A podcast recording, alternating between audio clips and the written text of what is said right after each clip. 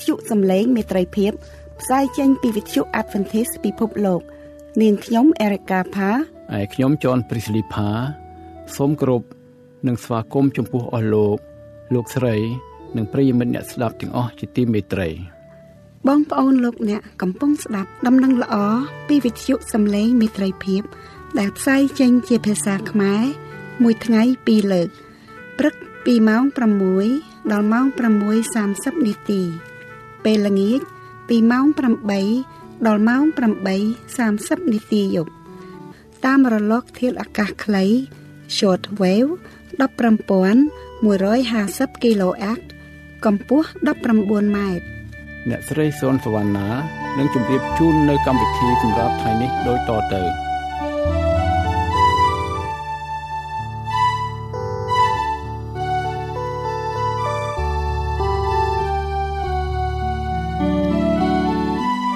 បងប្អូនស្ងួនភ្ងាជាទីគោរពនិងជាទីមេត្រីវិទ្យុសំឡេងមេត្រីភាពជាសំឡេងនៃសេចក្តីសង្ឃឹមនិងជាសារនៃសេចក្តីសង្គ្រោះពីព្រះយេស៊ូវគ្រីស្ទជាព្រះអង្គសង្គ្រោះដែលទ្រង់មានព្រះបន្ទូលមកកាន់យើងរាល់គ្នានៅគ្រប់សម័យកាលព្រះគម្ពីរហូសេចំពុក4ខ6សម្ដែងថារះអញត្រូវបំផ្លាញទៅដោយខ្វះខាត់តម្រេះ ឯព្រះគម្ពីរយេរេមៀចំពុក6ខ16សម្ដែងថាព្រះយេហូវ៉ាទ្រង់មានបន្ទូលដូចនេះថា ចូលឲ្យឯងរាល់គ្នាឈរតាមផ្លូវហើយមើលចុះត្រូវឲ្យសួររកផ្លូវចាស់ទាំងប៉ុន្មាន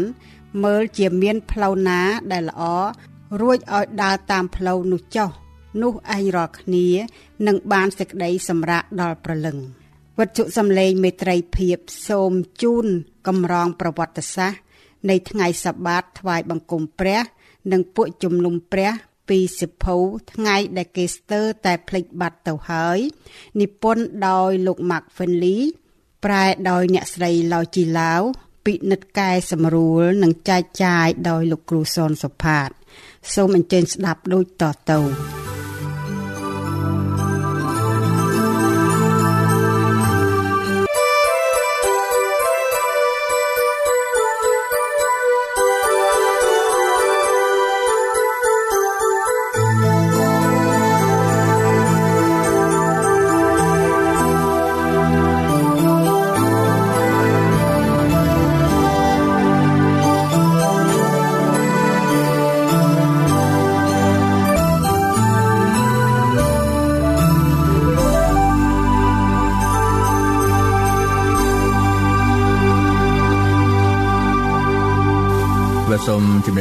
បសួរបងប្អូនជនភ្ងាជាថ្មីម្ដងទៀត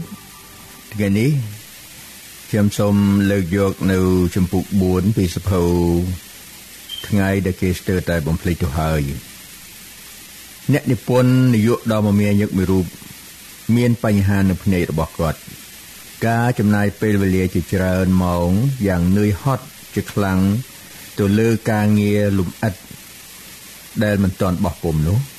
បានធ្វើឲ្យភ្នែករបស់គាត់ មានការចុករោយយ៉ាងខ្លាំងដោយគិតថាគាត់ពិតជាត្រូវការពាក់វ៉ែនតាពិសេសដូច្នេះគាត់ក៏បានទៅជួបនឹងវេជ្ជបណ្ឌិតជំនាញខាងភ្នែកម្នាក់ប៉ុន្តែគ្រូពេទ្យជំនាញនោះ បានប្រាប់គាត់ថាគាត់មិនត្រូវការវ៉ែនតាពិសេសថ្មីនោះទេ តែភ្នែកគាត់ត្រូវការសម្រាកអ្នកនិពន្ធនយោបាយនោះបានពន្យល់ទៅលោកគ្រូពេទ្យវិញថា ការនេះមិនអាចទៅរួចទេពីព្រោះការងាររបស់គាត់តម្រូវឲ្យគាត់អង្គុយនៅតុដើម្បីមើលអត្ថបទនិងសរសេរពេញពេញមួយថ្ងៃជារៀងរាល់ថ្ងៃលោកគ្រូពេទ្យនោះសួរទៅគាត់ថាតើលោករស់នៅឯណាអ្នកនិពន្ធនយោបាយយើងឆ្លើយទៅថាខ្ញុំរស់នៅកន្លែងស្រុកមួយដែលមើលទៅឃើញជួបភ្នំភើណាញដ៏ស្កឹមស្កៃនៅក្នុងប្រទេសបារាំង នៅពេលដែលលោកគ្រូពេទ្យបានលឺដូច្នោះលោកគាត់បានផ្ដល់នៅដំបូន្មានណែនាំថា ពេលណាអ្នកត្រឡប់ទៅផ្ទះវិញ សូមធ្វើការដូចធម្មតាចុះប៉ុន្តែរៀងរាល់ម៉ោងសូមអ្នកងើបចេញពីតុ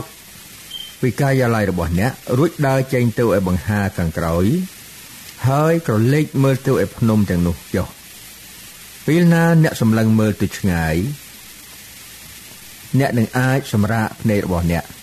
ក្រោយពេលដែលអ្នកប្រឹងមើលអត្ថបទនិងទំព័រកំណែដ៏ច្រើននោះដកស្រង់ចេញពីទស្សនាវដ្តី Focus វល់ទី6លេខ3ទំព័រ8ការនេះវាដូចគ្នាទៅនឹងថ្ងៃសបាតដែរគឺជាការអញ្ជើញយើងឲ្យសម្រាកភ្នែករបស់យើង ពីរបស់ធម្មតាផងទាំងឡាយដែលបានបំពេញនៅក្នុងជីវិតរបស់យើង រួចនាំឲ្យយើងក្រឡេកមើលទៅឯរបស់នៃជីវិតអស់កលថ្ងៃសបាតត្រូវបានបង្កើតឡើងដើម្បីជួយពួកយើងឲ្យផ្ដោតចក្ខុរបស់យើងសាជាថ្មីទៅលើវត្ថុផងទាំងឡាយដែលពិតជាមានសារៈសំខាន់ឆ្លងកាត់ជាច្រើនសតវត្សអ្នកកាន់ថ្ងៃសបាតដ៏ស្មោះត្រង់បានរក្សាចិត្តគំនិតរបស់គេឆ្ពោះទៅលើវត្ថុដ៏មានតម្លៃពិតប្រាកដប៉ុន្តែ មុនពេលដែលយើងពិនិត្យមើលទៅលើផុសតាងប្រវត្តិសាស្ត្រទាំងនេះសូមយើងបានសង្កេតសារឡើងវិញដោយត្រួសត្រាសនៅអ្វីដែលយើងបានបរិយាយរួចមកហើយថ្ងៃសបាតគឺជាថ្ងៃទី7ដែលត្រូវនឹងថ្ងៃសៅរ៍គឺជាថ្ងៃដែលត្រូវបានកាន់ដោយមច្ឆាត់ដោយសាសហេប្រឺនៅពេញសម័យព្រះគម្ពីរសញ្ញាចាស់ព្រះយេស៊ូវនិង ពួកសាវករបស់ទ្រង់បានរក្សាថ្ងៃជប់សម្រាកគឺថ្ងៃសបាតនេះយ៉ាងមើងម៉ាត់នៅក្នុងការថ្វាយបង្គំដោយសេចក្តីស្រឡាញ់ចំពោះព្រះវរបិតានៃឋានសួគ៌ដ៏អស្ចារ្យពួកគេសម្លឹងមើលទៅថ្ងៃសបាតចំណេទៅមុខដោយភាពរីករាយឆ្លងកាត់សតវត្សទី1ទាំងស្រុងទាំងសាសយូដានិងទាំងសាសដទៃដែលបានបដូរជំនឿទៅជាអ្នកគ្រីស្ទៀន គេគោរពថ្វាយបង្គំព្រះនៅថ្ងៃសបាតមានផោះតាងជាច្រើនរួមបញ្ចូលគ្នា ដែលអូសទាញអ្នកគ្រីស្ទៀនឲ្យបោះបង់ថ្ងៃសបាតចោលហើយបែរទៅយកថ្ងៃអាទិត្យជំនួសវិញ នៅក្នុងសតវត្សជាបន្តបន្ទាប់មកក្រោយពីការធ្លាក់ចុះនៃក្រុងយេរូសាឡឹមនៅក្នុងគ្រិស្តសករាជឆ្នាំ70មកហើយនឹងការបង្ក្រាបការបះបោរនៃពួកសាសយូដាដែលគេហៅថាពួក Jewish ឬពួក Swift ប្រឆាំងនឹងក្រុងរ៉ូមនៅក្នុងគ្រិស្តសករាជ135នោះមកពួកយូដាត្រូវបានខ្ចាត់ខ្ចាយពាសពេញទាំងអាណាចក្រឈ្មោះនិងសាសនារបស់ពួកគេត្រូវបានគេប្រឆាំងជំទាស់យ៉ាងខ្លាំងនៅស្ទើរតែគ្រប់មជ្ឈដ្ឋានជនជាតិយូដាណាមួយក៏ត្រូវបានគេចាត់ទុកជាមនុស្សដែលគេមិនស្វាគមន៍មិនរាប់រកដែលភាសាឡាតាំងថា persona non grata សញ្ញាសម្គាល់ខាងក្រៅមួយក្នុងចំណោមសញ្ញាឯទៀតរបស់ពួកយូដានោះគឺការកាន់ថ្ងៃសាបាតឆ្លងកាត់សតវត្សទាំងនោះពួកកាន់សាសនា pagan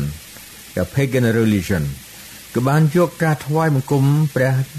នៅថ្ងៃអាទិត្យជាការសំខាន់ការថ្វាយបង្គំព្រះអាទិត្យគឺឃើញមាន ជាទូទៅនៅប្រទេសអេស៊ីបនៅបាប៊ីឡូននៅប្រទេសពេកសនិងអាណាចក្ររ៉ូម វាគ្មានអ្វីជាការភ្ញាក់ផ្អើលនោះឡើយដែលថាអ្នកដឹកនាំគ្រីស្ទៀននៅដើមដំបូងនោះខំប្រឹងប្រែងកាត់ខ្លួនចេញពីលទ្ធិយូដានិយមហើយខិតខំធ្វើឲ្យលទ្ធិគ្រីស្ទៀនចុះសម្រុងឬអាចនិយាយបានផងដែរថាខិតខំធ្វើខ្លួនឲ្យក្រុងរ៉ូមទទួលយកបាននោះពេលបានឃើញការមានប្រជញ្ញរស់ឡើងវិញរបស់ព្រះយេស៊ូវគ្រីស្ទនៅថ្ងៃអាទិត្យជាថ្ងៃទី1នៃសប្តាហ៍នោះក៏បានយកធ្វើជាស្ពានចម្លងទៅ ការថ្វាយបង្គំព្រះអាទិត្យបានកើនឡើងជាលំដាប់នៅពាសពេញទាំងអាណាចក្ររ៉ូមអ្វីត្បិតតែមានការជំទាស់នៅដើមដំបូងក៏ដោយក៏អូរេលៀនជាអ្នកដឹកនាំអាណាចក្ររ៉ូមនៅសតវត្សទី3ដែលសោយរាជពីគ្រិស្តសករាជឆ្នាំ270ទៅដល់275បានគ្រប់គ្រងការថ្វាយបង្គំព្រះអាទិត្យយ៉ាងខ្លាំងក្លានៅដើមសតវត្សទី4ព្រះចៅកុងស្តង់ទីន ដែលជាព្រះចៅអធិរាជកាន់សាសនាគ្រីស្ទៀនបានចេញច្បាប់ថ្ងៃអាទិត្យលើកដំបូងបង្អស់ច្បាប់តម្រូវឲ្យអ្នកគ្រីស្ទៀនទាំងអស់ថ្វាយបង្គំព្រះនៅថ្ងៃអាទិត្យនៅក្នុងអាណាចក្ររ៉ូមនៅថ្ងៃទី7ខែមីនាគ្រិស្តសករាជ321ដោយអោយឈ្មោះថ្ងៃនោះថា ថ្ងៃដែលគោរពដល់ព្រះអាទិត្យ The Venerable Day of the Sun ក្រុមជំនុំសាសនាហើយនឹងរដ្ឋ បានរួបរวมគ្នាជាលំដាប់ដើម្បីបដូរថ្ងៃថ្វាយបង្គំពីថ្ងៃសបាតតាមព្រះគម្ពីរដ៏ពិតទៅឯថ្ងៃដែលគេដាក់ជំនួសវិញដោយតាមវិធានការសម្របសម្រួលមេដឹកនាំក្រុមជំនុំពីសតវត្សដើម បានដំកើងថ្ងៃអាទិត្យជំនួសថ្ងៃសបាតតាមព្រះគម្ពីរដ៏ពិតទោះបីជាយ៉ាងណាក៏ដោយក៏ការគោរពថ្ងៃសបាតគឺនៅតែអនុវត្តតរៀងមកជើងឯកដ៏ស្មោះត្រង់និងសេចក្តីពិតរបស់ព្រះ មិនព្រមបោះបង់ចោលសេចក្តីសន្យារបស់ព្រះ នៅក្នុងមនសិការរបស់ពួកគេឡើយចំពោះពួកគេថ្ងៃសាបាតគឺសំខាន់ជាងអ្វីដែលហៅថាថ្ងៃនោះទៅទៀតថ្ងៃសាបាតគឺជាវត្ថុសំខាន់នៃការគោរពប្រណិប័តដល់ព្រះជាម្ចាស់នៅទំព័រជាបន្តបន្ទាប់នៃចម្ពោះនេះលោកអ្នកបងប្អូននឹងបានឃើញថាជានិច្ចកាលព្រះជាម្ចាស់តែងមានរាជរបស់ទ្រង់ ដែលមានសុឆន្ទៈនិងគោរពកោតខ្លាចដល់ទ្រង់ដោយសេចក្តីស្រឡាញ់ទូណាជាចំនួនគេនៅពេលខ្លះតិចតួចក៏ដោយ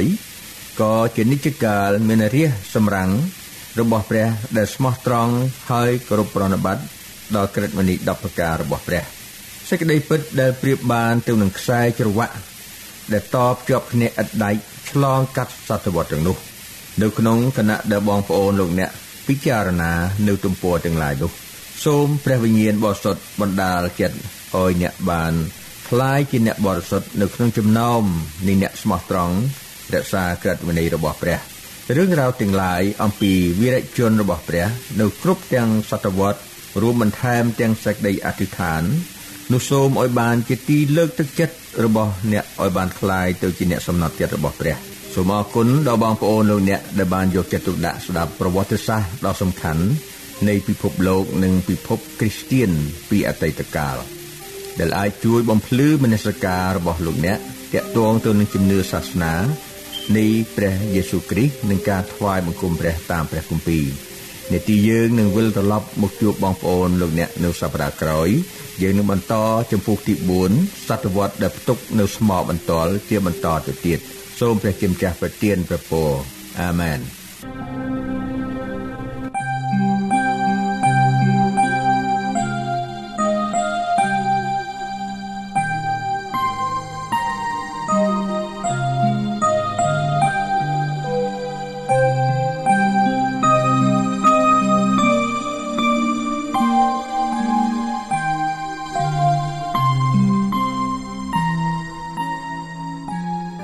បាទសូមគោរពស្វាគមន៍បងប្អូនលោកអ្នកនៅក្នុងនីតិប្រវត្តិសាស្ត្រនៃក្រុមជំនុំដែលខ្ញុំដកស្រង់ចេញពីសភៅថ្ងៃដែលគេស្ទើរតែផ្លេចទៅហើយដោយបណ្ឌិត Mark Finley បកប្រែដោយអ្នកស្រីឡៅជីឡាវថ្ងៃនេះយើងបន្តនៅក្នុងជំពូកទី4ដែលមានចំណងជើងថាសតវត្សផ្ទុកនៅស្មោបន្ទាល់ហើយនៅក្នុងវគ្គនេះគឺយើងអឺ នឹងមើលនៅក្នុងអឺទំព័រដែល មានចែកអំពីថាឆ្នាំដំបូងនៃការក្បត់សាសនាភាសាអង់គ្លេសហៅថា the early apostate years បាទនៅក្នុងនេះគឺជាការសង្ខេបនៃផុសតាងប្រវត្តិសាស្ត្រពីសតវត្សទី1ដល់សតវត្សទី5ខ្ញុំសូមជម្រាបជូនបងប្អូនស្ងួនភ្ងាលោកលោកស្រីប្រិយមិត្តទាំងអស់ឲ្យបានជ្រាបផងដែរថា នៅក្នុងប្រវត្តិសាស្ត្រនេះគឺតាក់ទងទៅនឹងថ្ងៃ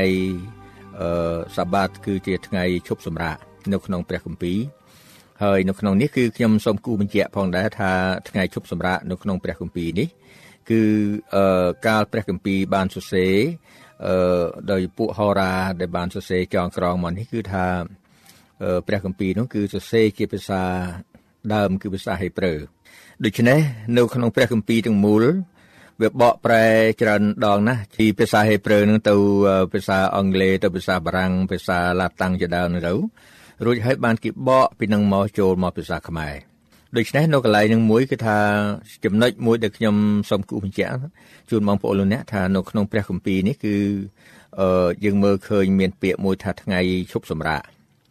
បាទថ្ងៃឈប់សម្រាកដូច្នេះថ្ងៃឈប់សម្រាកនឹងប្រសិនបើយើងមិនបានចាប់អារម្មណ៍នៅក្នុងន័យនៃព្រះគម្ពីរ គេហៅថា spiritual or biblical meaning គឺថាន័យនៃព្រះគម្ពីរនឹងន័យនៅក្នុងគេហៅថាផ្នែកខាងព្រលឹងវិញ្ញាណនោះគឺថាយើងមិនបានយល់ដល់ជំរឿទេ នៅក្នុងនេះអឺក្នុងព្រះគម្ពីរតាំងពីដើមដល់ចប់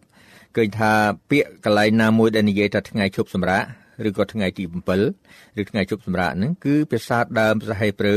នៅកន្លែងហ្នឹងគឺគេហៅថា the sabbath day the sabbath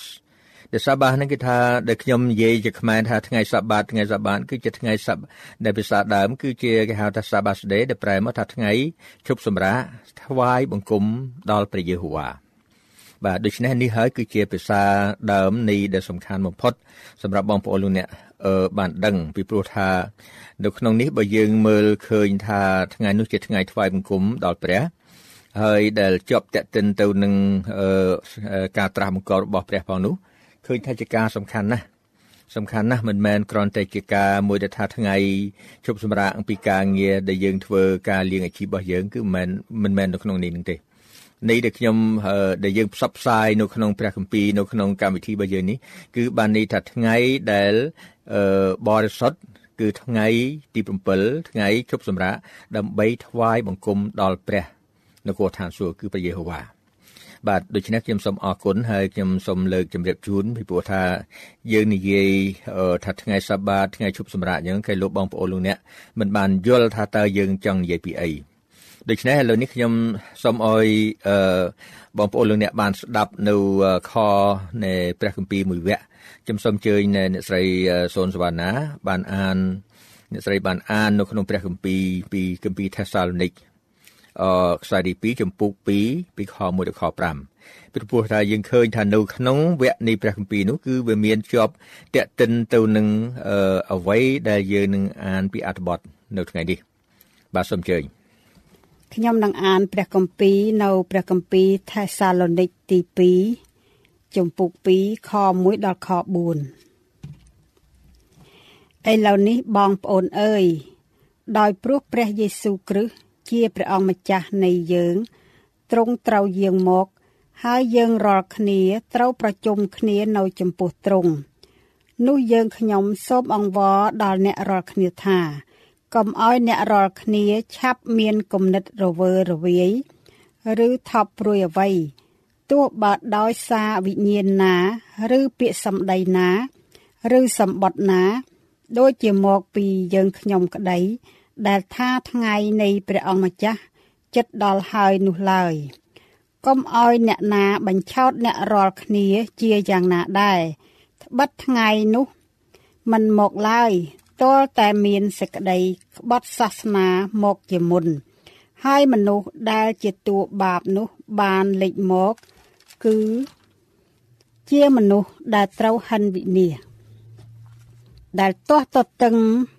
ហើយលើកខ្លួនឡើងខ្ពស់លើសជាងអស់ទាំងអ្វីដែលហៅថាព្រះ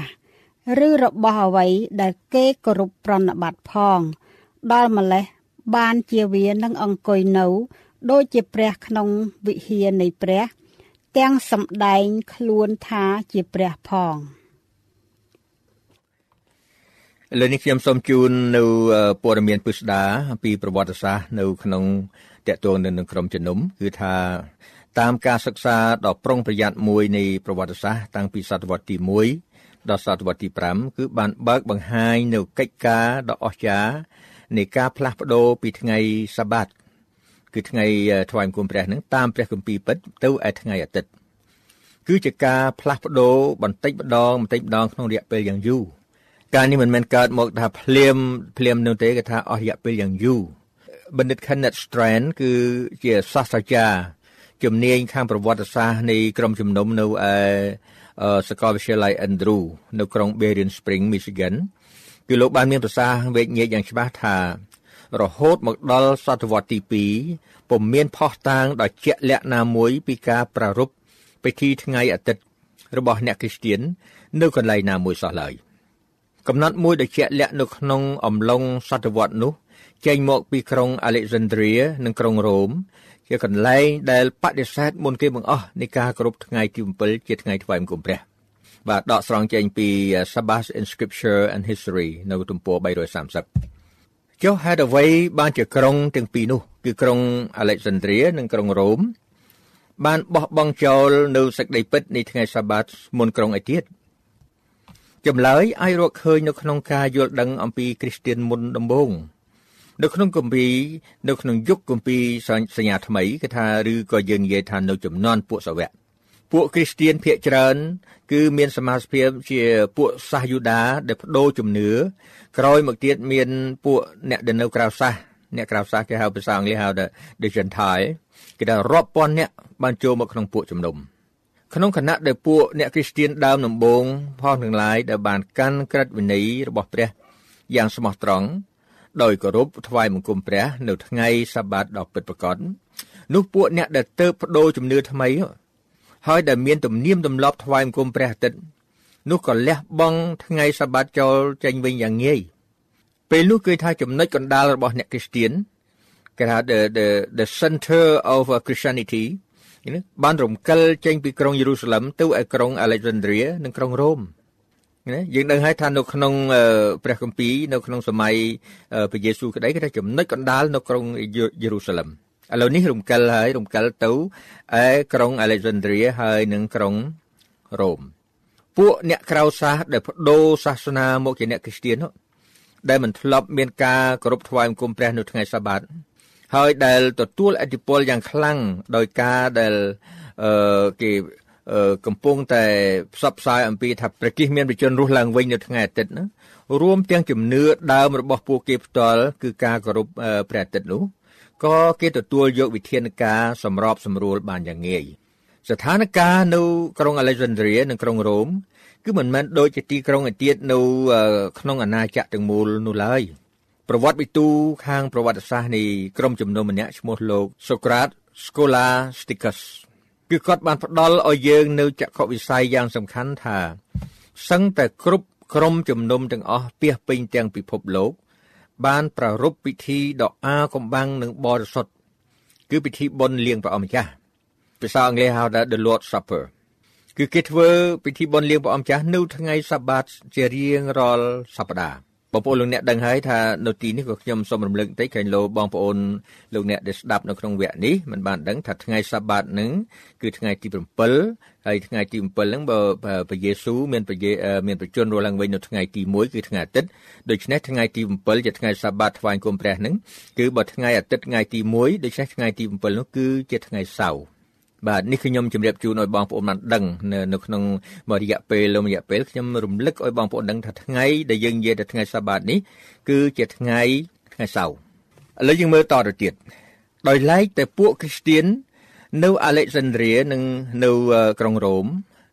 ដោយប្រកាន់តាមទំនៀមទម្លាប់ពីបុរាណក៏បានឈប់ធ្វើការនោះទៅ គឺគេឈប់ធ្វើពិធីបុណ្យលៀងព្រះអម្ចាស់នៅរៀងរាល់ថ្ងៃសបាតនោះ នេះដកស្រង់ចេញពី Socrates Scholasticus Ecclesiastical History បាទនៅក្នុងប្រវត្តិសាស្ត្រនៃរបស់ខាងនៃពួកជំនុំបណ្ដាជននៅក្រុងកុងស្តង់ទីណូប៉ូលគឺនឹងស្ទើរតែគ្រប់កន្លែង ប្រមូលផ្ដុំគ្នាប្រារព្ធពិធីនៅថ្ងៃសាបាត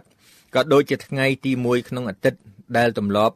អឺនោះ គេមិនមែនគេមិនដែលគោរពនៅក្រុងរ៉ូមឬអាឡិចសាន់ដ្រីឡើយដូចជាយើងបានរកឃើញហើយថា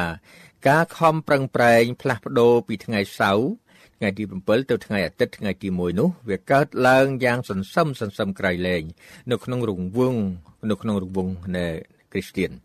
ថ្ងៃអាទិត្យនៅជាថ្ងៃធ្វើការប៉ុន្តែរួមទាំងការថ្វាយបង្គំក្នុងការលើកដំកើងថ្ងៃដែលព្រះយេស៊ូវមានប្រជញ្ញរស់ឡើងវិញ វាមិនបានជំនួសថ្ងៃសាបាតភ្លាមភ្លាមនោះទេដោយដែលយើងបានបរិយាយខាងលើនោះយ៉ាងច្បាស់លាស់មកហើយនៅក្នុងអំឡុងពេល200ឆ្នាំគឺចាប់ពីគ្រិស្តសករាជ100ដល់គ្រិស្តសករាជ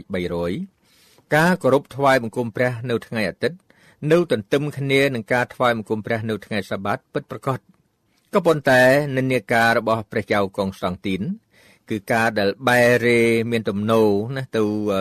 របស់នៃព្រះចៅកុងស្តង់ទីននិងមនុស្សខ្លះទៀតបានធ្វើឲ្យមានការផ្លាស់ប្ដូរថ្ងៃសាបាតសម្រាប់ជាយថាហេតុពីថ្ងៃសៅរ៍ទៅថ្ងៃអាទិត្យអ្នកមានជំនឿស្មោះត្រង់របស់ព្រះទាំងប្រុសទាំងស្រីគឺបានប្រឆាំងទប់ទល់នឹងនិន្នាការនៃការផ្លាស់ប្ដូរនោះកំណត់នៃប្រវត្តិសាស្ត្របានផុសចេញមកបង្ហាញនៅចំណាប់អារម្មណ៍យ៉ាងខ្លាំងទៅលើការថ្វាយបង្គំព្រះនៅថ្ងៃសាបាត ព្រះទ្រង់មានអ្នកស្មោះត្រង់ដើរតាមទ្រង់ហើយគោរពប្រណិប័តនៅតាមបញ្ញត្តិរបស់ទ្រង់ទោះណាជាភ្លើងទៀននៃសច្ចធម៌នៃថ្ងៃសាបាតត្រូវបានគេពន្លត់តែអ្នកបម្រើស្មោះត្រង់នឹងសេចក្តីពិត បានចាំយាមរក្សាភ្លើងទៀននោះអឺដោយសេចក្តីគោរពកោតខ្លាចដល់ព្រះឥឡូវយើងមើលមកសតវត្សទី1នៃគ្រិស្តសករាជលោកយូសេហ្វសបានមានប្រសាសន៍ថាគ្មានទីក្រុងណាមួយនៃសាសក្រិចឬពួកបាក់បា ណា barbarian ឬជនជាតិណាមួយទោះទាំងនៅចិត្តទំនៀមទម្លាប់យើង ដែលឈប់សម្រាកនៅថ្ងៃទី7មិនបានចូលមកនោះទេមួយទៀតគឺដកស្រង់ពីពួកគ្រីស្ទៀននៅក្នុងសតវត្សទី1តែនៅពេលនោះពូជខាងវិញ្ញាណបរិសុទ្ធនិងជំនឿរបស់លោកអាប់រ៉ាហាំបានរត់ទៅឯផាឡា នៅឯត្រើយម្ខាងនៃទន្លេយូដាន ជាទីដែលគេឃើញថាមានសវត្ថភាព ជាជំរក ដោយសុខសានហើយដែលគេអាចបំរើព្រះជាម្ចាស់របស់គេហើយរក្សាថ្ងៃសាបាតផងដកស្រង់ចេញពី Eusebius uh, Ecclesiastical History បាទប្រវត្តិសាស្ត្រនៃពួកជំនុំយើងដកស្រង់ចេញពី Philo លោក Philo គឺប្រកាសថាថ្ងៃទី7ជាថ្ងៃបុណ្យគឺមិនមែនសម្រាប់ក្រុងនេះឬក្រុងនោះក៏ប៉ុន្តែសម្រាប់លោកសន្និវាសទាំងមូលឥឡូវយើងមើលមកសតវត្សទី2សតវត្សទី2នៃគ្រិស្តសករាជ ពួកគ្រីស្ទៀនដំបូងពួកគ្រីស្ទៀនដំបូងអ្នកគ្រីស្ទៀននៅដើមដំបូងមានការគោរពប្រណិប័តដល់ថ្ងៃសាបាតខ្លាំងមែនទែនហើយគេតែងចំណាយពេលពេញមួយថ្ងៃនោះដើម្បីសរសើរដំណើរព្រះ និងស្ដាប់ការអធិប្បាយហើយមិនមែនជាការសង្ស័យឡើយប៉ុន្តែគេអនុវត្តបែបនោះតតាំងពីពួកសាវកមកម្លេះហើយដោយដែលមានចែងជាច្រើនកន្លែងនៅក្នុងព្រះគម្ពីរគឺដើម្បីគោលបំណងនេះដកស្រង់ចេញពី Dialogue on the Lord's Day សាបាតថ្ងៃថ្វាយបង្គំព្រះ គឺជាចំណងយ៉ាងមមមួនដែលបង្រួបបង្រួម ទៅនឹងជីវិតមនុស្សទាំងអស់ហើយការដែលរក្សាថ្ងៃសាបាតនោះជាថ្ងៃបរិសុទ្ធថ្វាយបង្គំព្រះនោះពួកគេមិនគ្រាន់តែដើរតាមគំរូរបស់ព្រះយេស៊ូវប៉ុណ្ណោះទេក៏ប៉ុន្តែគឺជាការត្រាស់បង្គាប់របស់ព្រះយេស៊ូវអ្នកក្រៅសាសដែលបានคล้ายជាអ្នកគ្រីស្ទៀនក៏រក្សាថ្ងៃជប់សម្រាប់ដែរ